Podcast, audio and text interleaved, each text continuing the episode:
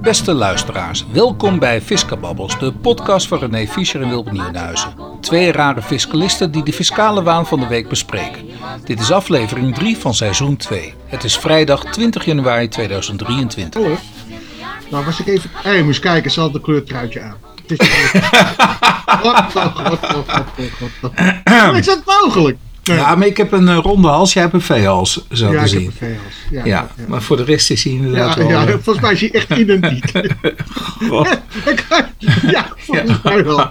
hou maar op. Ja. nou ja, goed. En voor de rest, eh, ja, qua nieuws, ja, daar maak ik me toch altijd nog wel ergens druk om. Ik, ik weet niet of ik dat nog, eh, eh, eh, of we dat nog behandelen. Ja. Maar bijvoorbeeld dat paarden. Ja, ja, ja, die Die zit erin. Die zit er erin. in. Ja, Ja, die ja, zit erin. Die hou ik er ook Ja, wel even en in. Leuk om... eh, ja, ja. En, Ja? en wat we ook nog hebben, dat is eh, dat wij eh, een e-mailadres hebben. Ja, ja, ja, maar laten we eerst even beginnen met, met de, de, de luistersvraag. luisteraarsvraag. Ja, hoe moet ik... Ja. hoe, ja, Een luisteraarsvraag. een luisteraarsvraag, Ja, hè? Ja. Ja, ja, het is een luisteraar. Nou, we vinden het zo ontzettend leuk dat we een keurige luisteraarsvraag hebben binnengekregen.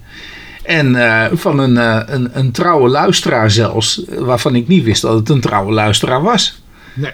Dat, eh, dat, hoorde, dat las ik ook voor het eerst. Maar leuk. Ik, ik zal hem voorlezen, voor de luisteraars. Een e-mail van afgelopen dinsdag. Beste Fisca Babbels juristen. Ja, toen dacht ik, oh ja, ik ben toch wel een jurist. Ja, ja. Ehm, ik zie me altijd meer als een fiscalist. Maar eh, als trouwe luisteraar van uw podcast Fiscababbels heb ik een vraag omtrent de OZB, de onroerende zaakbelasting. Ik heb geen idee of u vragen of onderwerpen van uw luisteraars behandelt in de podcast. U benoemt dat namelijk niet in uw uitzending. Nou, eh, maar dat gaan we wel doen, hè, René? Nou, maar volgens mij Ah, dat is een leuke. hebben we wel gevraagd van als je, als je vragen of opmerkingen hebt over de uitzending, Ja. reageer dan. Ja. Daar hoort dit natuurlijk ook onder. Ah, we behandelen natuurlijk wel altijd nieuws. En, en, Ja. en, eh, maar ja, we kunnen net zo goed babbelen over fiscale vraagstukken. Zeker. Dus waarom ook niet? Daar Ja, hebben we ook een mening over. Ja, dat we overal over een mening over hebben, hebben we zeker over eh, fiscale vraagstukken hebben we ook een mening. maar ik, ik ga verder. Eh, ook mis ik uw contactgegevens. En, en toen dacht ik, ja, gelijk heeft hij. Dat hebben we helemaal niet. Dus hebben we maar snel een e-mailadres geopend, luisteraars. En dat is... Ik denk nou, nou Babbels. fiscababbels. at- At gmail.com. Zo, Ja, dus... eh, fiscababbels at gmail.com. ja. ja. Oftewel, in het Nederlands, fiscababbels, apenstaartje, Ja? gmail.com. Nee, geen mile. Oh ja, geen maar. Ja, Gmail. Gmail. Ja, maar ik geloof dat de luisteraars op dit moment nu wel weten. Wat gmail.com is. Oké. En, en, en wat het e-mailadres is. En, en we zullen deze uitzending nog veelvuldig herhalen. Ja. Dus eh, ja, we verwachten toch wel wat. eh, Ja, dan, eh, gelijk had hij natuurlijk. We hebben Ja, nog nooit gedaan, ja. ja. Ja. en mochten jullie ook een bijdrage via de mail willen leveren, dan horen we het ook graag. Ja, of, of dat hoor je ook wel eens op andere podcasts, dat ze dan een, eh, een, een, een geluidsopname maken en die dan insturen. Dat is misschien nog leuker. Ja, ja, ja. ja. Weet je wel, dan hoor je ze ook nog eens een keertje inderdaad. En dan hoeven we die, die e-mail niet voor te lezen. Maar oké, Ehm, even kijken hoor. Ik heb bezwaar aangetekend tegen mijn OZB-aanslag, zegt onze eh, eh, André A. Ik zal meteen even noemen de afzender André A. Waarvoor dank. Ehm, ik heb bezwaar aangetekend tegen mijn OZB-aanslag. Redenen waren onder andere dat soortgelijke woningen, maar met een dakkapel en dus met een extra kamer, waren gebruikt. Dus ik, ik begrijp dat André, die heeft ook een soortgelijke woning. Tenminste, een woning. Met soortgelijke woning is hij vergeleken. Maar die andere woningen hebben een dakkapel en een extra kamer. Nou, een extra kamer lijkt mij inderdaad wel een beetje... eh, toch? Waardeverhogend in ieder geval. Nou ja, ja Of tenminste... niet vergelijkbaar. Ja, Ja. Dat, eh, die waren Minder gebruikt. vergelijkbaar. Ja. En zelfs een woning van een ander type met meer vierkante meters. Dan hoop ik wel dat hij met de extra kamer dat hij ook meer vierkante meters heeft. Want het gaat toch wel ve- veel al toch om de inhoud natuurlijk. Hè? De waarde van een woning. Nu, nu kwam in de procedure de vraag van de gemeente om foto's van binnen het huis en van alle kamers aan te leveren. En ook moest ik een opgave geven over het onderhoud en de leeftijd van het interieur. Waaronder de leeftijd van de keuken en de badkamer. Mag een gemeente dit vragen? Moet je eraan voldoen? En tot slot mag de OZB bepaald worden op wat de foto's van binnen het huis te zien is. En als dat zo is, hoe verhoudt zich dit dan ten opzichte van een gelijkheidsbeginsel dat de OZB voor iedereen op de gelijke en controleerbare manier moet gebeuren? Met andere woorden, al die mensen waar geen, waar geen de staat van het interieur een rol heeft gespeeld. Nou, laten we eerst eens even beginnen met, uh, uh, met de fotoproblematiek aan de binnenkant van het huis. René. Ja, nou, in principe, de vraag luidde in de eerste vraag, mag de gemeente dat vragen? Ja. Nou, de gemeente mag van alles vragen natuurlijk. Dat, dat staat buiten kijf. Ja.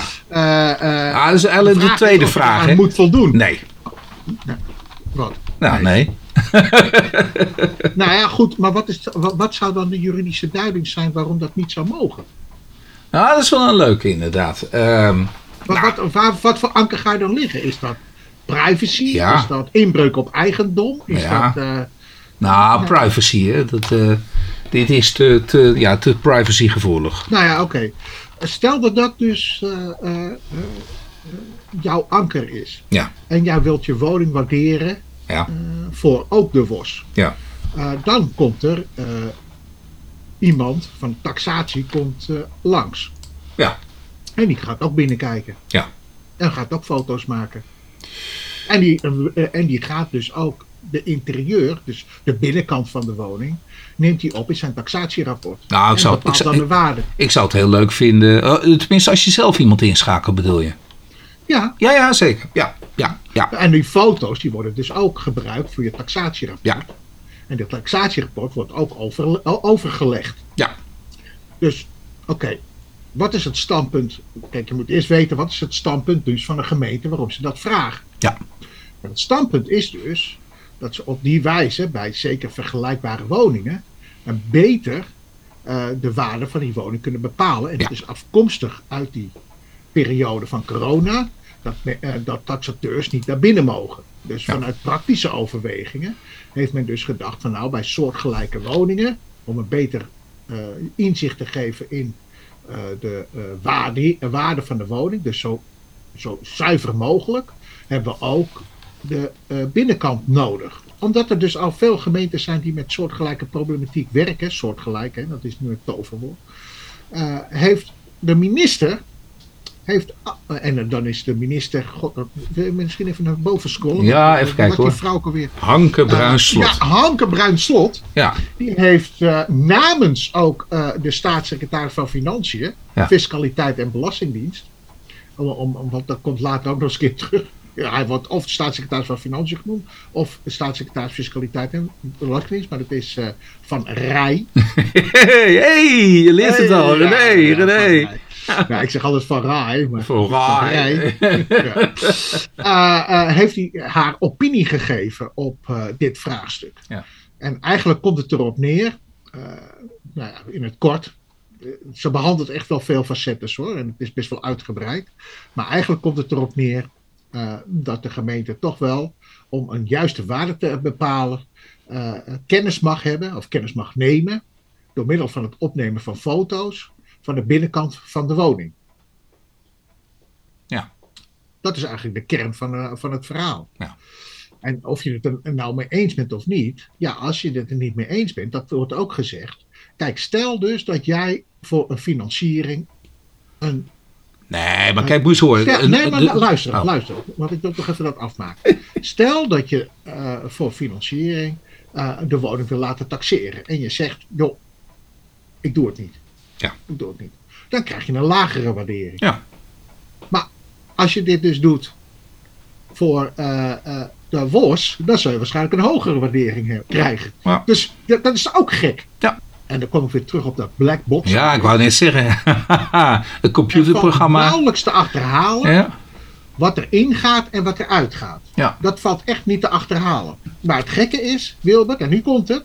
Als je er één in doet, bij het ene pakket, krijg je een andere waardering als je bij een ander softwarepakket Ja. gebruik maakt. Nou, en dat is raar. Ja. Dat is toch raar? Nou, goed. Dus dit gezegd hebbende, gaan we weer terug naar de case. Nou, even, eh, wat wilde ik even terug naar de, naar de basis. de basis is gewoon dat we ieder jaar moeten we eigenlijk weten wat is de waarde in het economisch verkeer van je huis. Ja. Punt. En, en eh, ja, hoe kunnen we dat weten? Want ja, tuurlijk, er zijn allemaal marktontwikkelingen en de prijzen stijgen en de prijzen dalen. Maar ja, het vervelende is, jouw exacte huis wordt niet zo elke, el- elke week, elke dag verkocht. Dus ook al heb je vergelijkbare panden, eh, die vergelijkbare panden die eh, staan ve- veelal ook nog eens een keer een stukje verderop. Omdat je buurman die verkoopt niet zo snel je huis. Die zit er ook al jaren in. Dus het, het, het bepalen van het waarde in het economisch verkeer is ontzettend lastig. Eh, dus heb je tien taxateurs, krijg je tien verschillende taxatierapporten. Ja. Ja, met, met dus tien verschillende waarden. En, en eh, dus de waarde, eh, de, de, de werkelijkheid, de, de, de waarheid omtrent een waarde in het economisch verkeer, nou, die bestaat niet. En dus is, hè? dus is het altijd een benadering, altijd een benadering, en dat willen we zo goed mogelijk doen, van de, van, van de waarde. Nou ja, eh, daarbij speelt inderdaad de staat van het interieur een rol. Ja, en hoe moet dan een gemeente inderdaad eh, eruit gaan van, van hoe de, het interieur is? Nou ja, dan zou ik zeggen, een gemiddeld interieur, wat dat ongeveer is, een gemiddelde ja, eh, onderhoudsstaat van een woning, dat zou ik hanteren. En misschien moet dat ook, dat zal ook wel, maar dat weet ik niet. Dat zit in die black box dan van jou waarschijnlijk. Ehm, eh, ook weer afhankelijk zijn van hoe oud de wijk is, eh, hoe, wat, wat het inkomensniveau is in een bepaalde wijk. Ik kan me goed voorstellen dat dat van invloed is, ook weer voor, voor de interieurwaarde die men eraan toekent in zo'n black box. Maar ja, dat moet wel eh, bekendbaar worden gemaakt. Opvragen vind ik nog dan. Hè, dus de eisen dat, dat er foto's moeten worden verstrekt, dat kan niet. Dat is in strijd toch echt met de privacywetgeving. Maar ja, je, schiet jezelf in je eigen voet op het moment dat je het niet doet. En jij van mening bent dat jij onder de gemiddelde eh, eh, onderhoudsstaat van, van het interieur eh, zit.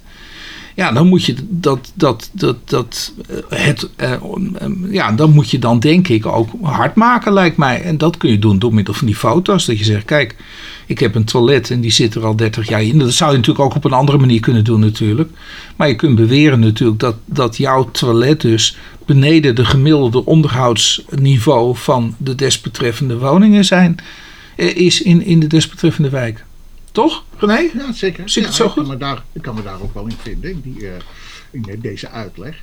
Ja. Dus, maar kijk, ja, ja. Je, zou toch wat moeten. Hè? Eh, Ja. eh, eh, in de zin van, joh, kijk, het, maar in principe, kijk, ze mogen alles vragen, maar ben je verplicht Nee. om eraan mee te werken? Ik denk het niet. Nee. Maar dan, dan eindigt mogelijk wel je procedure. Dat is natuurlijk wel mogelijk de gevolgen. Want ze zullen het ook gebruiken van ja, maar ik kan het niet goed vaststellen. Maar aan de andere kant is het ook zo, eh, even terug nog naar eh, de waardering van je interieur, dat dat zoveel zou uitmaken. Ja. Kijk, je hebt het al over een gemiddeld interieur. Nou, Ja. dan kan er een min of een plus. Maar hoeveel zou dat schelen ten opzichte van het onroerend goed aan zich? Nou, een beperkt. Je bedoelt de, de, de, de, het percentage aan waarde wat je aan dat interieur zou moeten toerekenen, Ja. natuurlijk. Ja, ja. zou Nou. dat zodanig zijn dat, je, eh, eh, eh, dat dat van, van invloed zou kunnen zijn op de uiteindelijke waardering van de woning? Ja, ik denk het wel. Nou, het heeft dan- enkele tienduizenden euro's. Kan het verschillen natuurlijk. Kijk, Ja, kijk, maar eens. Kijk maar eens. Je moet maar eens een keertje. Ja, kijk jij kijkt nooit naar tv. Ehm, maar je hebt een, een programma met Martijn Krabbe, geloof ik. Die, dus die, Oh, echt waar? En dat gaat over mensen en die zijn in financiële nood gekomen. Die hebben ook va- vaak een, een, een, eigen woning en die moeten ze dan gaan verkopen. En die kunnen ze aan de straatsteen niet kwijt. En dan komt Martijn Krabbe en, en, en met een financieel adviseur. Maar ook altijd met, met iemand die verstand heeft van woningen. Om die te kunnen verkopen. eh, tegen zo gunstig mogelijke prijs. En die zegt dan ook heel vaak van, goh, maar eh, zo, zoals het er nu bij staat, zo verkopen we het niet. We moeten wat, sowieso, je moet die, die, die, die rotzooi opruimen in je kamer. Ja, dus daar beginnen ze al mee. Eh, je moet een andere inrichting. Desnoods doe je er maar even een tijdelijke inrichting in. En we moeten even opknappen, even een lekker fris kleurtje. Dan is het weer verkoopbaar. En dan zie, dan zie je opeens, René, dat inderdaad die, de, de, de- datgene wat men ervoor over heeft, dat het opeens wel opeens wordt verkocht. Hè? Ja. Dus het heeft wel degelijk een, een, een waarde-effect. Datgene zoals jij je. Maar dat heet toch met een ander woord verkoop klaarmaken. Maar die waardering is toch op dit moment de waarde, uh, waarde in het economisch verkeer in de staat zoals het nu is. Ja, maar Ja, daar zit. maar, maar het is toch geen niet verkoop klaarmaken voor de verkoop? Of is de waarde in het economisch verkeer de waarde eh, de verkoop? Ja, in principe wel eigenlijk. Ja, De, de, de waarde in het economisch verkeer is datgene wat de gek ervoor geeft, inderdaad op het moment, eh, de gemiddelde gek, ervoor geeft eh, als, als hij dit, deze woning zou moeten kopen. Maar aan de andere kant, ik denk niet dat, het, eh, dat je je zaak beter maakt als je daar niet aan voldoet. Dat, dat is Nou, kijk, namelijk- ik bedoel, dat, dat is met ons, in ons vakgebied toch altijd zo. Als wij procederen of als we bezwaren maken en dergelijke overleg hebben met de Belastingdienst, dan kleuren wij ook de feiten. Zeker. Ja? Dus even op de vraag in te gaan. eh, ik bedoel, nee, je hoeft het niet. Eh, je mag het wel. En je kunt natuurlijk zeggen van, hé, ik bedoel, je hoeft niet een, een, een gedetailleerde opgave te- overeenkomstig hun, hun, hun lijstje te geven. Dus je hoeft niet alle vragen te beantwoorden. Je bent niet tot, tot, tot antwoorden verplicht. Maar als wordt gevraagd van, hé, ehm, eh, wat is de leeftijd van de keuken? En je hebt net je keuken gedaan. Ja, dan zeg je dat gewoon niet. Ja, toch? Eh, of als je zegt van nou, ja god, het was een, was een heel eenvoudig keukentje en dat, dat, dat heeft me maar 500 euro gekost. Nou ja, dan, dan zeg je ja, ja, hij is net van vorig jaar. Maar hij, ik heb hem gekocht bij die en die en dat was bij de Hornbach en, en dat was 500 euro. Toch? Ja, Dan, dan, en- dus zo kun je de, de feiten ook kleuren. Dus of je geeft het niet, of je geeft het wel. Dus als, je, als de, de keuken net nieuw is, dan vermeld je dat niet. Maar als de badkamer inderdaad van 25 jaar geleden is, ja, dan zeg je ja, de badkamer is van 25 jaar geleden. En die, en die ziet er niet meer uit. Ja, en eh, desnoods maak je wat vieze fotootjes erbij. Nou, en op die manier kleur je natuurlijk je eigen situatie. Waarbij natuurlijk ook die ambtenaar zal zeggen: ja, hij laat bewust die keuken achterwege. Nou, oké, nou ja, dat dan, mag. dan is het, ja, ja. Dan is dat het gemiddelde niveau. En dan heb je het mazzel. Dat, ja, toch? Dus, de, dus daar, daar mag je mee spelen. Ehm, maar dus, eh, dan nog de opmerking over het gelijkheidsbeginsel. ja, ja. Nou. Ja, daar, daar kom ik niet zo echt uit, want waarmee word je dan vergeleken? Nee, maar dat is de misverstanden die in, in, in, in, in de samenleving heersen over wat is het gelijkheidsbeginsel. En het gelijkheidsbeginsel, eh, ja, daar moeten we even wat, eh, wat meer over vertellen. We hebben een, een gelijkheidsbeginsel. Wacht even hoor. We hebben een gelijkheidsbeginsel, maar waar ziet dat op? Dat ziet erop dat als er beleid is, ehm, eh, dat dat gunstiger is dan de wetgeving. Ja, of tenminste waar een gunstige interpretatie uit voortkomt, laat ik het zo zeggen. Ja, dan moet een inspecteur moet dat beleid volgen. maar- dat is een vertrouwensbeginsel. Nee, het vertrouwensbeginsel dat houdt in als er uitlatingen zijn gedaan. Of, of het is op papier gezet. En eh, waar je vertrouwen aan kunt ontlenen dat het op die manier moet worden eh, behandeld. Dat is het vertrouwensbeginsel. Het gelijkheidsbeginsel is: ik wil gelijk worden behandeld als die andere gevallen. Oh ja, dat lijkt mij een, eh, een, een duidelijker. eh, eh, Dat is het gelijkheidsbeginsel wat gebaseerd moet zijn op be- beleid. Vaak is dat beleid is dat moeilijk aan te tonen. Ook al kun je dan wowen, hè, tegenwoordig woppen. Je gaat dus woppen om het gelijkheidsbeginsel naar voren te krijgen. Om dat, dat te laten zien van zie je wel, er is beleid. En dat, dat beleid is gunstiger dan, dan wat op mij eh, wordt toegepast. Dat is beleid. Gelijkheidsbeginsel. Er is nog een gelijkheidsbeginsel, dat is hetzelfde hoor. Want als dat beleid er niet is, dan kan het toch zijn dat er wel wel degelijk een soort van beleid is. Alleen het is dan niet op papier gezet. En dat weet je omdat in de meerderheid van de gevallen eh, eh, belastingplichtig anders wordt behandeld. de zogenaamde meerderheidsregel. Ja, en dat is onmogelijk Onmogelijk. onmogelijk om aan te tonen. Want het bet- betekent dat je eigenlijk alle gevallen van belastingplichtigen moet kennen. Ja? Alle data. ja, alle data moet hebben van alle belastingplichtigen, die dan ook inderdaad gelijk zijn als jouw situatie. Ja? En, en, en dan moet je aan kunnen tonen dat de inspecteur in, in de meerderheid van die gevallen een ander besluit neemt dan bij jou. Dat gunstiger is ten aanzien van die andere dus. Nou, dus dat gelijkheidsbeginsel in het fiscale, dat wordt zelden gehonoreerd. Zelden. Hier natuurlijk, je kunt het een gelijkheidsbeginsel noemen. Hè. Je wil natuurlijk dat iedereen gelijk op, staat hier dus ook. Hè, voor ieder, dat de OZB voor iedereen op gelijke en controleerbare manier moet gebeuren. Nou, eh, eh, Maar we hebben al wat voorbeelden genoemd dat dat dus niet het geval is. nou, om, dat, het vervelende is, wat is gelijk? Jouw woning Ja, is precies. eigenlijk nooit gelijk Ja. aan de woning van een ander. Ehm, en het is wel zo makkelijk om dat te roepen, maar zo is het natuurlijk niet. Ja, En, en, en, en daarnaast is het zo, maar dat, over dat gelijkheidsbeginsel gesproken. Ik heb het ook over die uitvoering gehad, over de waardering. ja, dat er dus al vier pakketten zijn met vier uitko- uitkomsten. Softwarepakketten. Ja. Dat is ook al raar. ja. En, en dan wel de opmerking die, die wordt gemaakt hè, voor iedereen op gelijke en controleerbare manier Ja, moet dat gebeuren. laatste, Dat laatste, dat controleerbare, ja, daar begint het zo langzamerhand in onze eh, samenleving aan te schorten. Ja, want namelijk, ik vind wel dat op het moment dus dat de belasting moet worden geheven, Ja, dat dat in ieder geval voor de belastingplichtige duidelijk moet zijn Ja. waarover er wordt geheven. ja, En dat dat eenduidig, eenvoudig te controleren ja. valt. welke En waardering daar is- men daarvoor gebruikt heeft. Precies. Hoe, de, hoe dat tot stand is gekomen. En daar Ja. schort het aan. Ja. En zeker voor wat betreft die worst. Want in principe Ja. zou je dat gewoon eh, op een kladje moeten kunnen narekenen. Ja. Dat, dat is eigenlijk eh, eh, dus voor iedereen begrijpbaar. Ja. Nou ja, voor iedereen is het natuurlijk ook al voor, eh, Nou, controleerbaar. interpretatie. Maar Controleerbaar. Ja, Dus de- controleerbaar. Dus De, de- ja. Ja. Maar ik hoop in ieder geval met deze uitleg ja, dat de vraagsteller ermee gebaat is. ja. We hebben toch André A.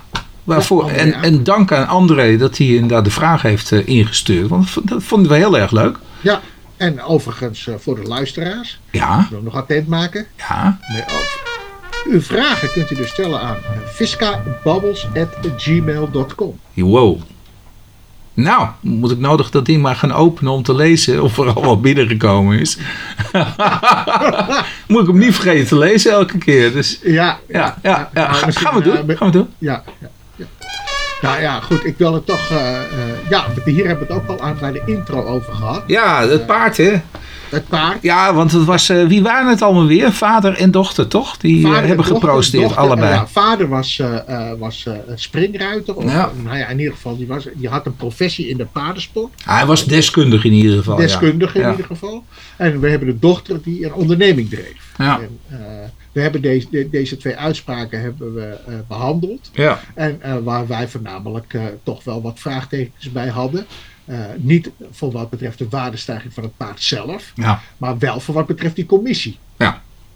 Ja. Ik weet niet of je dat nog kunt Ja, ja, ja, ja, ja, Die ja. commissie, dat vonden wij toch wel... Nou ja, dat, dat, dat paard, Dat dat, was- ja. Ja. Maar dat was toch ook eh 130.000 euro, die Ja. eh, verkoopcommissie. ja, En die bleven helemaal ook eh, eh, onbelast. En dat was eigenlijk best wel een vreemde. Want, eh, eh, nou ja, in ieder geval. Nou ja, even, even, Ja. jij zegt in ieder geval, staatssecretaris gaat niet in eh, cassatie. hè? dat is de conclusie. Althans, ik, ik neem aan dat hij het weer heeft ingetrokken, want het, het, is vet na zes weken. Dus meestal gaan ze wel in cassatie. En dan gaat de staatssecretaris, die trekt dan later zijn cassa- cassatieberoep ja, in. Dat, is, eh, dat zal wel ter behoud van. eh, Zo zal het wel zijn gelopen Ja, hoor, Ver- vermoed ik.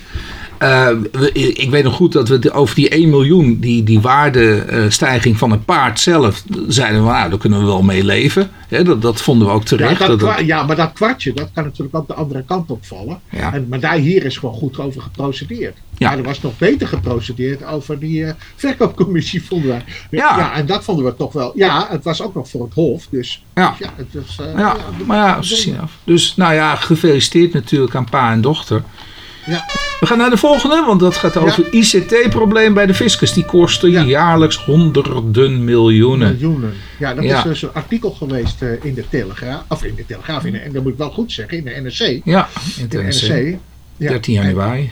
En, en hier blijkt dus ook hoeveel geld er verloren gaat in verband met die verouderde eh, eh, IC, eh, ICT-systemen, computersystemen. Ja, met het onderhoud bedoel je?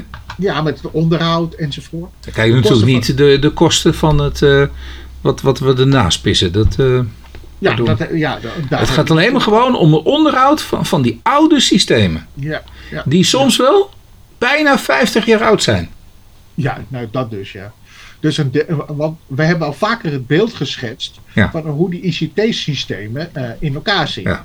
En dat eh, eh, er ooit eens een staatssecretaris was die over de bepaalde bedrading struikelde. En zich verbaasde ook over, het, over de ouderdom. Ja. En dat het eigenlijk nog werkte, überhaupt, Ja, van de, deze computersysteem. ja, Maar een deel van die computersysteem is bijna al- dus alweer 50 jaar oud. ja. En, en, en om die systemen te kunnen laten draaien, dat wordt ook telkens duurder. Ja. Dat, dat is ook wel weer grappig hè, om te constateren. Je zou zeggen het wordt goedkoper. Nee, het wordt steeds duurder. Want namelijk het is antiek. Wat je, wat je eh, eh, ik weet niet of jij nog iets hebt in huis qua computer of iets dergelijks. Iets elektronisch van, met, van 50 jaar oud. Nee, Maar dat heb ik niet hoor. nee. Nee, dat, dat zou nu een, een, een, een, eh, antieke iets zijn, joh. Antiek iets. Dus 90% van het totaal, dus van de totale uitgaven en de kost hè, van het totaal ging naar onderhoud en reparatie van verouderde systemen. Dat is best wel. eh, en hoe- in, in 2022 spendeerde de Belastingdienst maar liefst 849 miljoen. En Ja. in 2012 was dit 469 miljoen. Ja, Dus in binnen 10 jaar. is bijna, dat dus bijna verdubbeling. Ja, Ja, nou, ja. En, en daarbij geldt dus, uit een interne analyse volgt dat in 2018 maar liefst 90% van het totaal. nou dat is een schokkende. Ja, 90% in, 90% van die kosten zit op Ja. onderhoud. ja, van die uitgaven. Ja, Ja, en reparatie. en reparatie. Dat is toch Dus, dus kosten- 10% zit in nieuwe apparatuur en nieuwe Nou ja. eh, investeringen. Ja, of overig. Of overig. Ja, Ja, overig. Dat zeggen we, dat zeggen we helemaal niks. Overig. Ja. Dan vraag ik me ook af hoe dat dan werkt hoor. Maar goed. nou wie weet nog eh, hoe MS-DOS werkt. Dat, eh, ja toch. Ja, dan had je nog zo'n prompt toch? Die dan heen en weer eh, ging. Dat, En dat moet je wel kunnen. Ja, ja, ja, Ja. zeker. Ja, ja, ja. Dan kan je helemaal niks anders, want je, je computer thuis gaat kapot. Weet je helemaal niks van. Maar zo'n oud systeem, ja, Ja. ja, goed. Maar goed, ja, best wel. En dan zaten we te programmeren in Quick Basic. Of nee, Basic heette het dan. dan Basic, ja, ja. vaak, ja, later Quick Basic. En dan kreeg je al die, die, dat, die programma. Ja, nou ja. Ehm, If, if then, hè? maar dit is. ehm, Ja, het is wel ehm, shocking hoor, moet ik eerlijk zeggen. Ja, Nou, maar dit betekent gewoon dat er geïnvesteerd moet gaan worden, punt. Ja. Toch? zeker. Maar het gekke is ook al dat al topambtenaren in 2018 al het een en ander eh, eh, naar voren hebben gebracht. Bij de Ja. toenmalige minister Ja. van Financiën Ja, en, en, eh, en de staatssecretaris. ja, heel snel. Ja, Menno Snel, ja. Maar goed, ik vind het shocking dat er dus niets gebeurt. En Ja. journalisten, en dan, dan denk ik van ja, dan, dit is dus toch wel een goed journalist. Ja, maar dat was dus vijf jaar geleden, 2018. Ja. 2018 was het al. En ik denk al wel, wel vaker hoor, want er is al... En, en hier wordt nu ook weer gezegd in het NRC van ja, eh, eh, niet alleen de systemen vormden toen al een risico, de gevolgen van een aanhoudend personeelstekort ook. Ja. Dat zorgde destijds al voor problemen bij de belastingtelefoon. Ja, nou, dus nu helemaal. En te weinig inspecteurs om aangiftes te controleren. Ja, Ja. Nou, eh, eh, dat, dat, en dat, dat is het nog steeds. Ja. Leuk. Ja, zo kan je het ook formuleren. Het is Ja. gewoon een complete... eh, eh, Maar- maar wat ja, doen we nou? Ja, hoe zei Trump dat ook alweer? een, een complete shit, shithole. De Belastingdienst. Ja. Maar ze moeten wat gaan doen. ze moeten wat gaan doen, ja. Ja, en dat, dat moet eh, van, eh, van Rij, die moet eh, daar een keer een budget voor vragen aan, aan, Ja. aan, aan de politiek. Nu we nu toch, eh, nu we nu toch nog even bezig zijn met Oh, het algemene verhaal. Ja. Want ik had ook nog zo'n artikel van eh, de mi- huidige minister van eh, Financiën. Dat Oh, mevrouw Kaag. Dat, Ja, die, die, die wilde je Dat graag behandelen ja, dus. Ja, dat wil ik even in het zin behandelen. Want e- eindelijk was je het een keer met haar eens, het, wat, wat ze heeft gedaan. Ja, Ja, ja. Al, al was jij het niet mee eens? Ja, ja. Wel heel goed. Ja, ja, ja. Ja, want dit, Nou, nou ja, goed, ja. ik zal toch even, eh, e- even zeggen waar het over gaat. Ja. Kijk, we hebben best wel wat kritiek op minister Kaag. Nee, ik vind het verschrikkelijk, ja. Ja, Ja. Maar, maar dit, heeft ze toch, dit, dit heeft ze wel goed in het snotje. Titel. Titel. Kaag wil meer grip op bureau eh, kredietenregistratie. BKR. Ja. BKR. En het gekke is dat BKR geheel geen wettelijke basis heeft. Ja. Eh, het is een privaatrechtelijke eh, eh, instantie met een publiekrechtelijke taak, vinden ze zelf. Ja. Uh, maar je moet je voorstellen dat op het moment dus dat jij een aantal keer niet kunt betalen, dat jij dus een BKR-registratie krijgt. Ja. Die BKR-registratie zorgt ervoor dat jij niet eenvoudig meer leningen Dat je helemaal in het verdomhoekje of terechtkomt. geen Ja. telefoonabonnement kunt afsluiten. Ja. Of nou, je wordt beperkt in je handelen. Ja. En dan moet je dus corresponderen met een BKR die geen enkele rechtsregel kent. Nee. Dus die kent niet de Algemene Wet Bestuursrecht of iets dergelijks. Er is geen wettelijke basis voor. Nee. En het gekke is dat daar nooit eens iemand naar gekeken heeft. Ja. Hè, naar die wettelijke basis. Dus ook ter bescherming van het individu, van de burger. Mhm. Nou, en minister Kaag heeft toch maar besloten om dat wel te doen. Die gaat dus een wettelijk kader maken, Ja. waarin dus ook eh, eh, de, verplicht, eh, de uitvoering en ook de rechtszekerheid wordt ingebed voor zo'n voor individuen. Ja. En het gek, als je erover nadenkt, is dat best wel gek dat dat nooit heeft plaatsgevonden. Ja. Nooit. Ja. Want hoe lang bestaat die regel al? En hoe vaak hoor je wel niet van mensen die hebben geklaagd bij de BKR en geen respons kregen? Ja. Nou ja, goed. Dat was even mijn. eh, Nou, mijn eh, veer in de reet van eh, Kaag. ja, ik weet dat dat pijnlijk is, maar Ja. ja, ere wie ere toekomt. Je Nee, Heine. Van, Heine. ja. Heine, ja, ja. Is goed.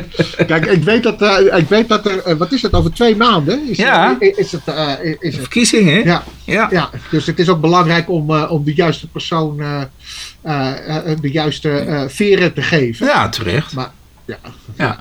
Maar in ieder geval, op, ja. Als we het er niet mee eens zijn met die Rij, dan... eh, hè, dan eh, ja, kijk, en als we het wel eens zijn, zeggen we het ook. Dus, dus dit wil ik toch wel even eh, onder de aandacht brengen. Want Ja. we, kijken, we, we bestuderen en bekijken alles wel. ja. Dat, dat, dat, eh, dat mag de luisteraar wel van ons aan. Oké, Nou, een testamentje. Kom op. erfgenamen hebben recht op, op een worstbeschikking. Dat is de Ja. titel van eh, het. en nu komt het als volgt voor. En dat is van rechtbank Zeeland, West-Brabant, 21-12-2022. Nummer Bree, Breda, 20 slash schrap 9076 of 9076. En het betreft het volgende. We hebben dus een nalatenschap. Uiteindelijk een nalatenschap. Waarbij de, de erfgenamen eh, eh, toch wel eh, bezwaar wilden maken tegen de zogenaamde waardering onroerende zaken, wet WOS. En tegen de waardebepaling althans. En nou, op een of andere reden is dat in het kadaster niet goed weergegeven, dat de desbetreffende eigenaar de erven zijn of anderszins. Maar in ieder geval, de heffingsambtenaar weigert eh, de worstbeschikking te verstrekken. En zelfs nog Ja, en waarom? Omdat de erfgenamen die staan niet vermeld in het basisregister, eh, basisregistratie kadaster. Ja. Eh, Ja. Dus hij zei, ja, ik mag het aan jou niet geven, want je staat er niet in vermeld. Nee. En dus, Terwijl ze wel een verklaring erfrecht hebben. Ja. Dus, dus, dus, ja, dus ze zijn even. Kijk, en in de regel is het zo dat op het moment dus dat je komt te overlijden, even de juridische kant van het verhaal. Als je komt te overlijden, dan gaan alle rechten, verplichtingen, eigendommen, alles gaat van met algemene titel over naar de erfgenamen. Mhm. En het gekke is, dus als alles overgaat, Ja. dan is eigenlijk een kadaster is meer een hulpmiddel, Ja. maar niet een weigeringsgrond. Nee. Toch? Ja. Dus dan, hè, dat is dan maar een hulpmiddel. Ja. En dat zo'n heffingsambtenaar, ondanks het feit dat de desbetreffende persoon is overleden, kunnen ze ook zien in het systeem. lijkt mij wel, ja. Ondanks het feit dat ze een verklaring van erfrecht hebben, ja. weigert deze heffingsambtenaar zelfs nog Beide rechten. zwaar Ja. beide rechten Ja. om die gegevens te verstrekken. ja, ja. De rechtbank maakt daar korte metten. Ja, natuurlijk. Korte metten. Ja. Kijk, en ik denk ook van ja, weet je, eigenlijk zou je zeggen. Want het gaat ook nog om een fix bedrag, hè? Want, Ja, er zat een verschil in tussen, tussen 2010 eh, was hij gewaardeerd op ruim 9 ton. En in 2019 werd het verkocht voor 6 ton. Ja. Dus, dus ja, eh, er zat ook nog behoorlijk wat eh, ja, belang bij. Ja, ja, het belang was groot. Maar eh, zeg maar, de wijze waarop deze heffingsambtenaar zich heeft gedragen. Ja. Ja, dat is natuurlijk ook best wel kwalijk. Ja, Ja. ja, ja. Oké. In controlerapport vermeld verlies. Dus er is in een controlerapport is een verlies vermeld. Is niet het te verrekenen verlies. Nou, Ja, René, is rechtbank, echt- rechtbank Noord-Holland. Noord-Holland, 18 18 eh, mei. Ja? 18 mei 2022, nummer AAA. Zal nog voor Haarlem staan, hè? Ja. 20 schrap of slash 5076. Kijk, en wat wil deze belasting... Nou, bij de, belastingplichtige, even het verhaal. Bij een belastingplichtige heeft er een controle plaatsgevonden. Uh, in de controle zijn uh, verliesbedragen meegenomen. Uh, die verliesbedragen die, staan dan vermeld. Hè? dat wordt dan als een, feit opgevat. Mm. En vervolgens wilde de belastingplichtige het in het controlerapport genoemde bedrag aan nog te verrekenen verlies. Verrekenen met een positief bedrag. Ja. En vervolgens wilde uh, deze belastingplichtige zich ook, ja, en dat is dus een, uh, een beroep doen op het, het, vertrouwensbeginsel, wat we ook net hebben uitgelegd. Mm. Zeggen van, joh, dit is het bedrag, dit staat vast. hierbij, ik kan het vertrouwen ontlenen dat de Belastingdienst het juiste bedrag vermeldt. Dus ik wil dat ook gebruiken om uh, hiermee mijn positieve bedrag, uh, uh, of mijn positieve belastbaar bedrag, te, dat verlies daarmee te verrekenen. Ja, dus, dus eigenlijk kwam erop neer, in het controlerapport stond een hoger verlies be, be, vermeld dan het daadwerkelijk was. Zeker. En hoe kon dat? Dat kwam namelijk, en zo bleek later ook, dat uit het controlerapport, in het controlerapport was geen rekening gehouden met de carryback van 2012 en de verlies uit 2013. Daar was Maar geen rekening dus- mee gehouden. Nee, maar, maar ook, dat komt ook naar voren in de uitspraak. Je zag ook Ja. dat de beschikkingsverliesverrekening een ander bedrag eh, Ja. eh, weergaf als eh, het controlerapport. Ja, want je krijgt er altijd een beschikking van. Hè? Als Ja. je een verlies hebt eh, gehaald. En, eh, en, en, het eh, en wa- waarom is dat, die beschikking? Omdat je ook tegen zo'n beschikking bezwaar en beroep kunt instellen. Ja. Als dat niet goed zou zijn, dan ligt het op de weg van de belastingplichtige Ja. om daartegen bezwaar en beroep tegen aan te tekenen, als hij daarmee niet eens is. ja, en tegen een controlerapport kun je geen eh, bezwaar maken. Nee, dat, is, dat heeft helemaal geen. Behalve dan voor wat betreft het vertrouwensbeginsel. Maar omdat dus voor wat betreft verliesverrekening dat wel redelijk is ingedicht, Ja. zeg maar, voor, qua rechtsmiddelen, Ja. eh, gaat uiteraard de beschikking voor ten opzichte van, die, eh, eh, van het controlerapport. Oké. Ehm, ja, afsplitsing onbezwaard pand bij herstructurering is zakelijk. Dubbele punt. Splitsingsvrijstelling is van toepassing. Ja. Dat, eh, dat gaat over de overdrachtsbelasting. eh, Dit gaat over de overdrachtsbelasting, Wilbert. Ja, Ja. zeker. Het eh, is ik een vind het wel leuk Ja, om daar, ja, het is toch een, een- weet je, die overdrachtsbelasting is toch een heel interessante eh, belastingtechniek. Nou ja, goed, je hebt natuurlijk, eh, waar hebben de meeste burgers mee te maken, inwoners van Nederland? En dat zijn de huiseigenaren. Hè? Dus bij de aankoop, in de, eh, eh, aankoop van, eh, van de woning, Ja. ben ik een starter of niet? Nou, dat is, dat is- Ja. ja, die hele wetgeving is eigenlijk heel slecht voor. dus er is, nee, maar goed. is in nou, de loop van de jaren heel slecht geworden. Ja, dat- en dat met name de laatste jaren. Ja, het eigenlijk Hè, want vroeger was het een hele, hele gewone, normale... juridisch goed ingedichte bepalingen. Ja. Dus, dus, dus, Je betaalde gewoon 6% de ver- ter zake van de verkrijging. is- Het Ja, uitgangspunt van de overdrachtsbelasting is de verkrijger betaalt. Ja. Punt. De verkrijger bepaalt. En alle vrijstellingen zien erop dat, de, eh, dat, er, dat, er, eh, dat mogelijk een verkrijging, en, maar het uiteindelijk belang wijzigt niet, dat dat allemaal in stand blijft. Weet je? Dat, dat is eigenlijk het uitgangspunt. Hè? Dus je hebt een inbrengbepaling, je hebt een fusiebepaling, je hebt een, nou, goed, enzovoort, enzovoort. Maar het belang wijzigt niet. Ja. En je verkrijgt dus niks, de facto. Ja. Dat is, hè, dus middelijk of onmiddellijk verkrijg je niets. Ja. Kijk, en op het moment dus dat je wel wat verkrijgt, nou, dan ben je belastingverschuldigd. En dat is ook logisch, vind ik. nou, maar, maar zo, zo, simpel was het allemaal. Hè? Dus Precies. het was gewoon, als je iets verkrijgt, 6%. En toen zijn we dat in de loop van de jaren zijn we het zo ingewikkeld gaan maken. Inderdaad, inderdaad. Veel te ingewikkeld eigenlijk, te als ik heel eerlijk ben. En Natuurlijk, er moet een bepaling zijn voor aandelen. Hè, de- de- Natuurlijk, dat Ja. als het in een eh, vennootschap is, eh, eh, het onroerend goed is gedouwd in vervreemde aandelen. Ja, dan weet je ook wel, hé, hey, we hebben ergens een verkrijging bij een andere aandeelhouder. Dus Ja. dan zit er, is er een fictiebepaling opgenomen. Maar dat hebben we zo ingewikkeld gemaakt. En waarom hebben we het ingewikkeld gemaakt? Omdat van die ingewikkelde regeling die we al een beetje hadden, ja, werd vervolgens misbruik. Dus hoe ingewikkelder je regeling maakt, hoe meer misbruik ervan gemaakt kan worden. En die regeling zit eigenlijk al zo in elkaar, dat op het moment dus dat jij gebruik maakt van zo'n faciliteit, en je gaat binnen een bepaalde eh, periode, drie jaar in de regel, eh, verschuiven met je belang, Ja, dat je daar ook nog eens een keer wordt getroffen. Dat is eigenlijk best wel raar eigenlijk. Ja. Want namelijk, in principe wijzigt er niks. nee. Hè, afgezien van een kleine creditering, maar Ja. je wijzigt niks. En in, in belang. En vervolgens eh, eh, zit er ineens een claim op, omdat je dus eh, dat via een eh fusie eh, eh, eh, eh, faciliteit eh, op een andere manier wil inrichten. En vervolgens zit er een claim op. Maar dit is inter- hier gaat het om. eh, eh, nou ja, als je nog even terug wil naar, eh, naar de uitspraak, kan ik even de da- datum opnoemen. Dat is van Hof Arnhem Leeuwarden, 13 januari 2023. 3 januari. Oh, 3, zei ik 13? Ja. Ja. 3 januari 2023, nummer 21 slash schrap eh 01591. 01591. En eh, de- de kwestie is eigenlijk dat er, dat er twee partijen zijn. En die willen eh, op een bepaalde manier hun onroerend goed eh, ordenen. Dus je, ze willen gaan splitsen zodanig dat het onroerend goed die bezwaard is in een aparte BV komt en het onbezwaarde eh, gedeelte in een andere BV. En het zat kennelijk allemaal in één BV en men wil dat splitsen, waarbij dus het onbezwaarde gedeelte in een aparte BV werd gedaan en het bezwaarde gedeelte in een andere BV.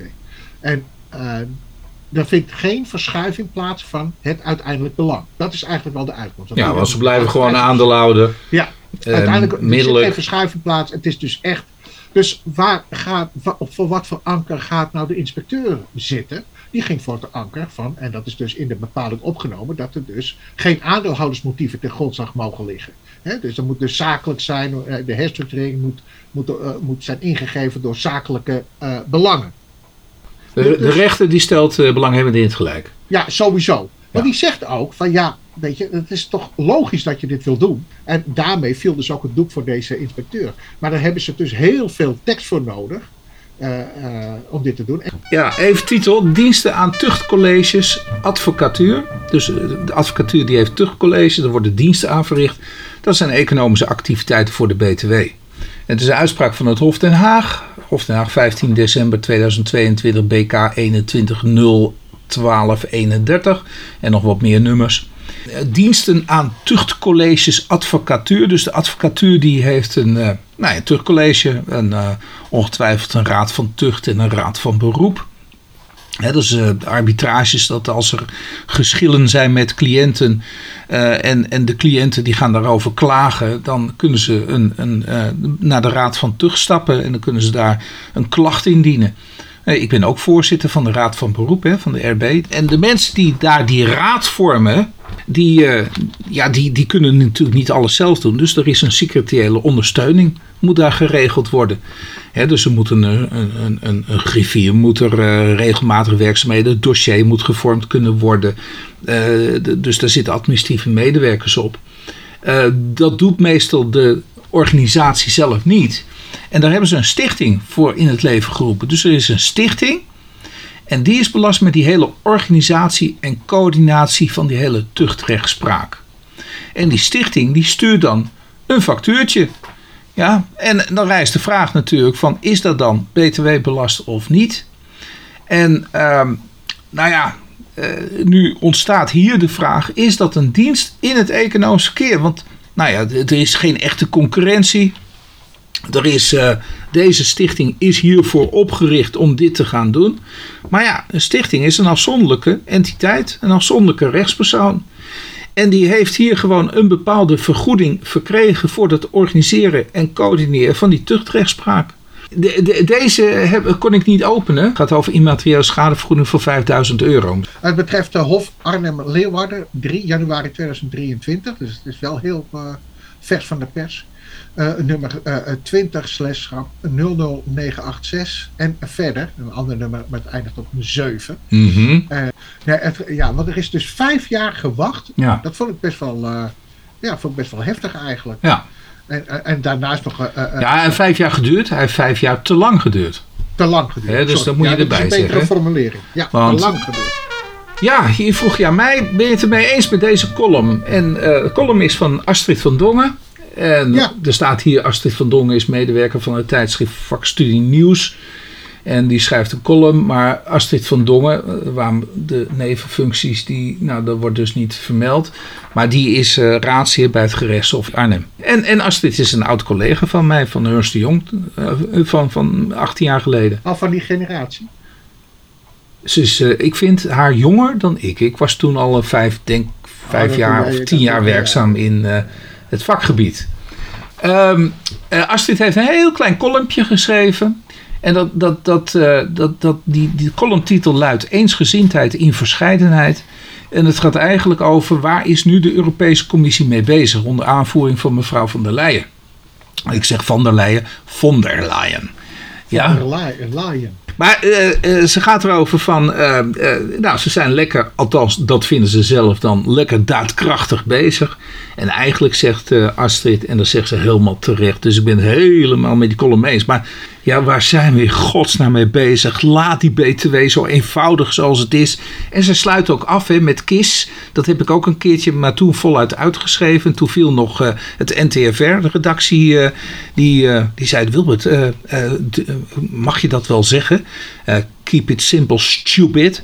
Ja, en ja, dat, dat, dat, ik, ik zeg nou alsjeblieft wel, want ik vind dit zo dom. Ja. Maar kan je misschien iets zeggen over nou, de column uh, zelf en, en uiteindelijk ook de, uh, uh, waar, waar, het hier om gaat? Volgens mij gaat ja. het in de kern erom dat de BTW we gaan, we gaan de BTW. Worden. Ja? We gaan de, doelstelling was normaal gesproken van de BTW-wetgeving. Dat is een Europese belasting. Er is een Europese richtlijn en dan zijn er 27 lidstaten en die moeten die Europese richtlijn omzetten in nationale wetgeving. Doel van die hele richtlijn en met die hele omzetting, dat is om in al die landen eenzelfde BTW te hebben. Ja, geharmoniseerd. Dus het, dat, dat iedereen weet, oh, dat is BTW. Dat is in alle landen hetzelfde. Helemaal dezelfde problematiek. Maar de lidstaten die wilden nog wel de nodige vrijheden behouden. En dan alleen, in beginsel, in het begin, qua tarieven in Nederland vinden dus we dan... Is, dat, dat, is dan de soevereiniteit van het lidstaat.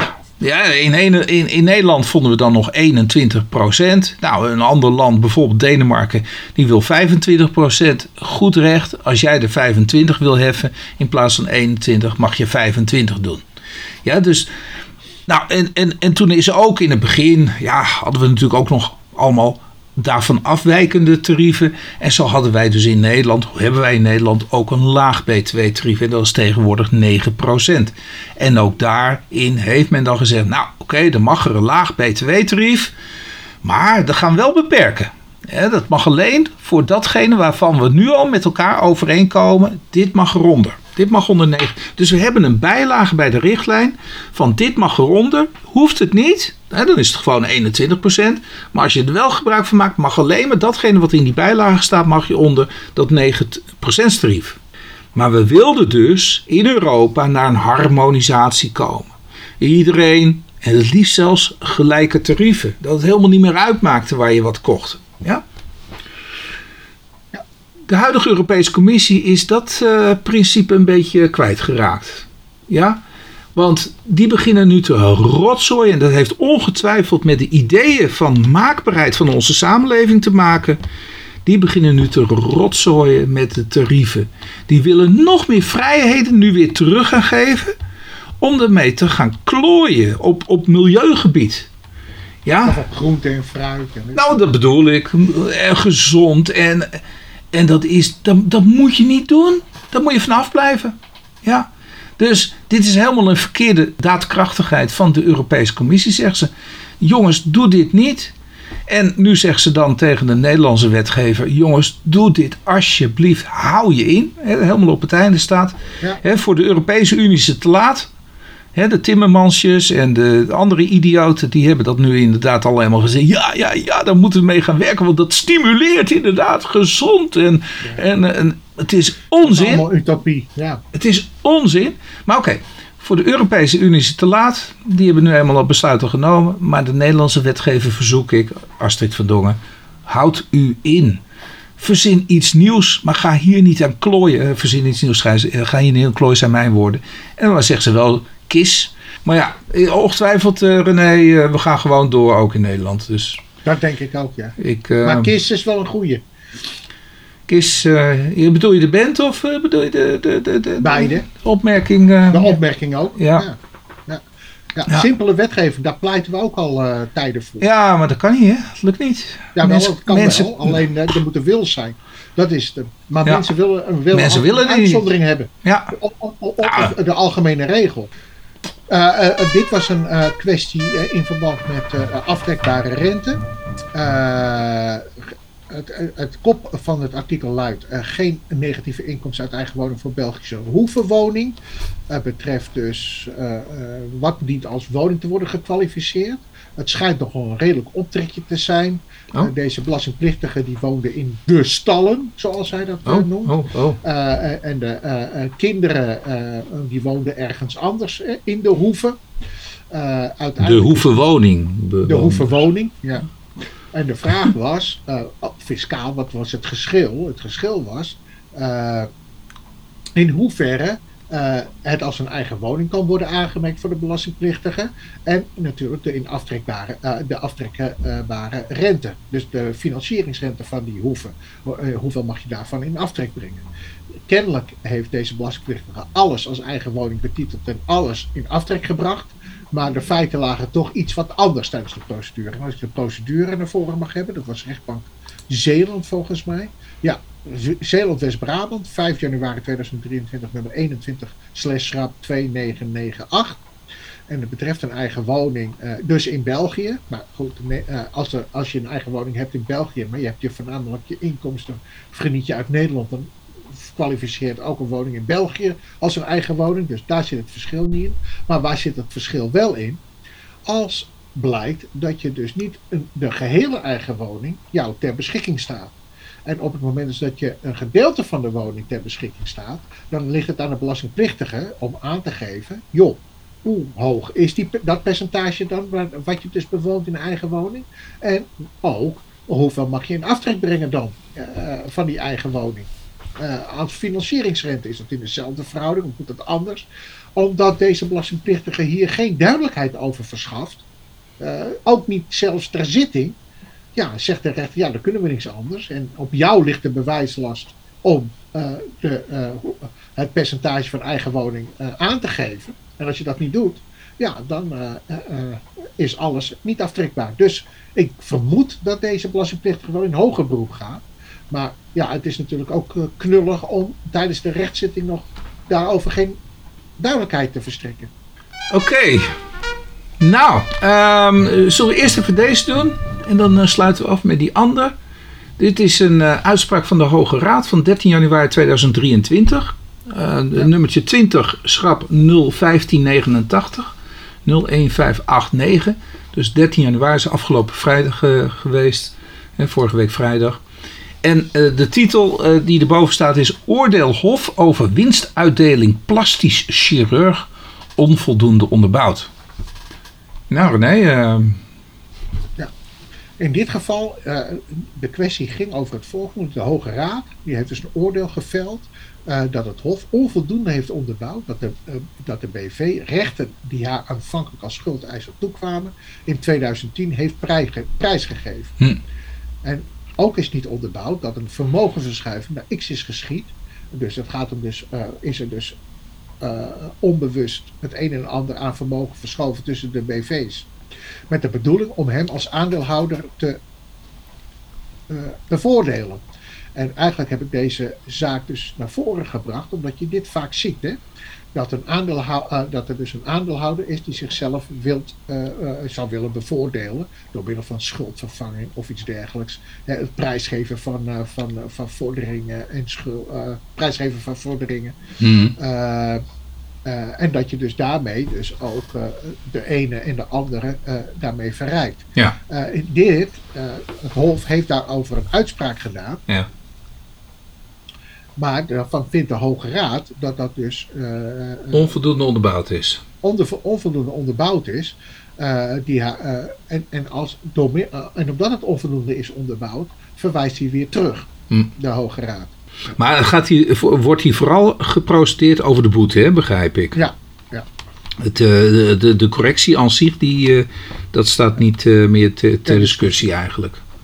Ja. Nou, ja, dan tot slot eh, eh, deze. Een bestuursorgaan kan zich niet schuldig maken aan vrouwslegis. Ja, dat is toch wel weer grappig. Nou, even, even voor de luisteraar Maar- thuis. hè. Wat, wat, is, wat is vrouwslegis? Vrouwslegis is dat als je een bepaalde rechtsregel hebt... en die, eh, nou ja, eh, met andere woorden... je moet belasting betalen op basis van die rechtsregel... en je gaat met kunst en vliegwerk... ehm, eh, ga je een, een, iets opzetten waardoor je onder die rechtsregel vandaan weet te komen. Hè, dus je weet iets heel slinks weet je op te zetten. Maar dat is in strijd met doel en strekking van de wet. Eigenlijk, we weten wat de doel en strekking is van die rechtsregel om dit te willen belasten. Ja, en je doet op kunstmatige wijze ga je dat dan eh, eh, eh, on- ondermijnen. Ja, dan kan de rechter zeggen: dit is vrouwslegers, dit was niet de bedoeling van de wetgever. En dat wist je donder, nou ja, wist je ons goed. Dan gaat het niet eens om of je er bewust van bent. Maar dat, dat kan niet de bedoeling zijn dat dit dan onbelast blijft. En dan zet hij er een streep doorheen. Dan, dan, dan, dan vult hij de, de, de, het hiaat wat de wetgeving heeft opengelaten. Dat vult hij in feite op. Dat, dat eh, gaat hij in doel en strekking van de wet gaat hij dan uitleggen en toepassen. Dat is vrouwslegers. Ja. Ehm, Maar wat is hier nu gebeurd? ja, maar Maar wat nu is het, nu is het andersom. Nu wordt het bestuursorgaan ervan eh, eh, Dicht. beticht zich aan vrouwslegers te hebben gedaan. Dus in strijd met doel en strekking van de wet ja, iets te hebben besloten. Eh, ja, maar dat, eh, ik zou bijna zeggen, René, eh, dat, dat gebeurt in al mijn procedures. Dat ik dus Bijna wel. rechtbank, Ja, rechtbank Amsterdam. Amsterdam. Ja. 29 november 2022, nummer 22 slash schrap 2550. Het gaat dus ook over gemeentelijke belasting, hè? Precies, het gaat over een gemeentelijke belasting. Eh, maar waar het hier om gaat is dat er dus een gemeentelijk orgaan is. Die dus op de laatste dag dat dus eh, nog uitspraak kan worden gedaan. Ja. Een onzorgvuldige uitspraak doet Ja. op een bezwaar. En dat alleen maar doet. En dat alleen maar doet om een dwangsom te voorkomen. Nee, wat- ja, wat is het? Onbehoorlijk misschien, maar, onzorgvuldig. Ja, Onzorgvuldig. maar dat is geen middel, toch? Ja, dan, ja. Nou ja, en onzorgvuldigheid kan natuurlijk wel leiden natuurlijk tot een schadevergoeding. ja. En dat zou dan kunnen leiden tot een hogere schadevergoeding dan, Ja. dan het puntenstelsel. Als het echt zodanig onzorgvuldig is dat je zegt, nou dit, dit, dit had je niet ooit kunnen doen. Leuk geprobeerd, maar eh, kansloos. Ja, helaas. Ja. Dus Ja. hiermee eindigt ons eh, ja, eh, eh, eh, eh, waan van de week weer. ja, En nogmaals, luisteraars. ja. heel graag mochten jullie opmerkingen, vragen, mail naar fiscababbels.gmail.com. ja. En nou, dan, dan, gaan we daarop in. Hè. Dat, Nou, dan gaan we erop Dus- in. dus- Uitgebreid ook. En, ja, ja, ja, ik zal ervoor zorgen dat ik niet te veel eruit knip. Zodat de luisteraar er hopelijk wat aan heeft. Ja, ja, ja, maar ook onze zienswijze erop. Dus we hebben dat ook wel Ja. gegeven. ja dat is wel leuk. En ook dat het ook wel moeilijk is, hè? Die, eh, dat, die inbreuk op privacy. Mhm. Eh, en natuurlijk ook wat, je, wat de gevolgen daarvan zijn als, je, als je die positie inneemt. Want Ja. namelijk alles heeft ook gevolgen. Ja. Kijk, je kan een positie innemen. Je kan zeggen van joh, daar hoef ik niet aan te voldoen. Ja, dat kan. Hè? Maar dat heeft dan ook altijd wel weer gevolgen voor je eigen positie. En daar moet je ook wel rekening mee houden. Dus ik geloof dat wij een evenwichtig antwoord hebben gegeven op, eh, op de vraag. Of is dat wel, is, is dat er wat gedurfd? Nee, ja, weet ik niet. Weet ik niet. Ja, nu ineens. eh, Nee, het is geen eh, politiek antwoord. nee, oké. Dus, eh hey, dan, eh, dan spreken we elkaar volgende week weer. Ja, tot volgende week. Oké. En eh Nou, je have a nice day. Yes. Oké. Ja. Hoi, hoi. Doei, doei. But man from Monticello.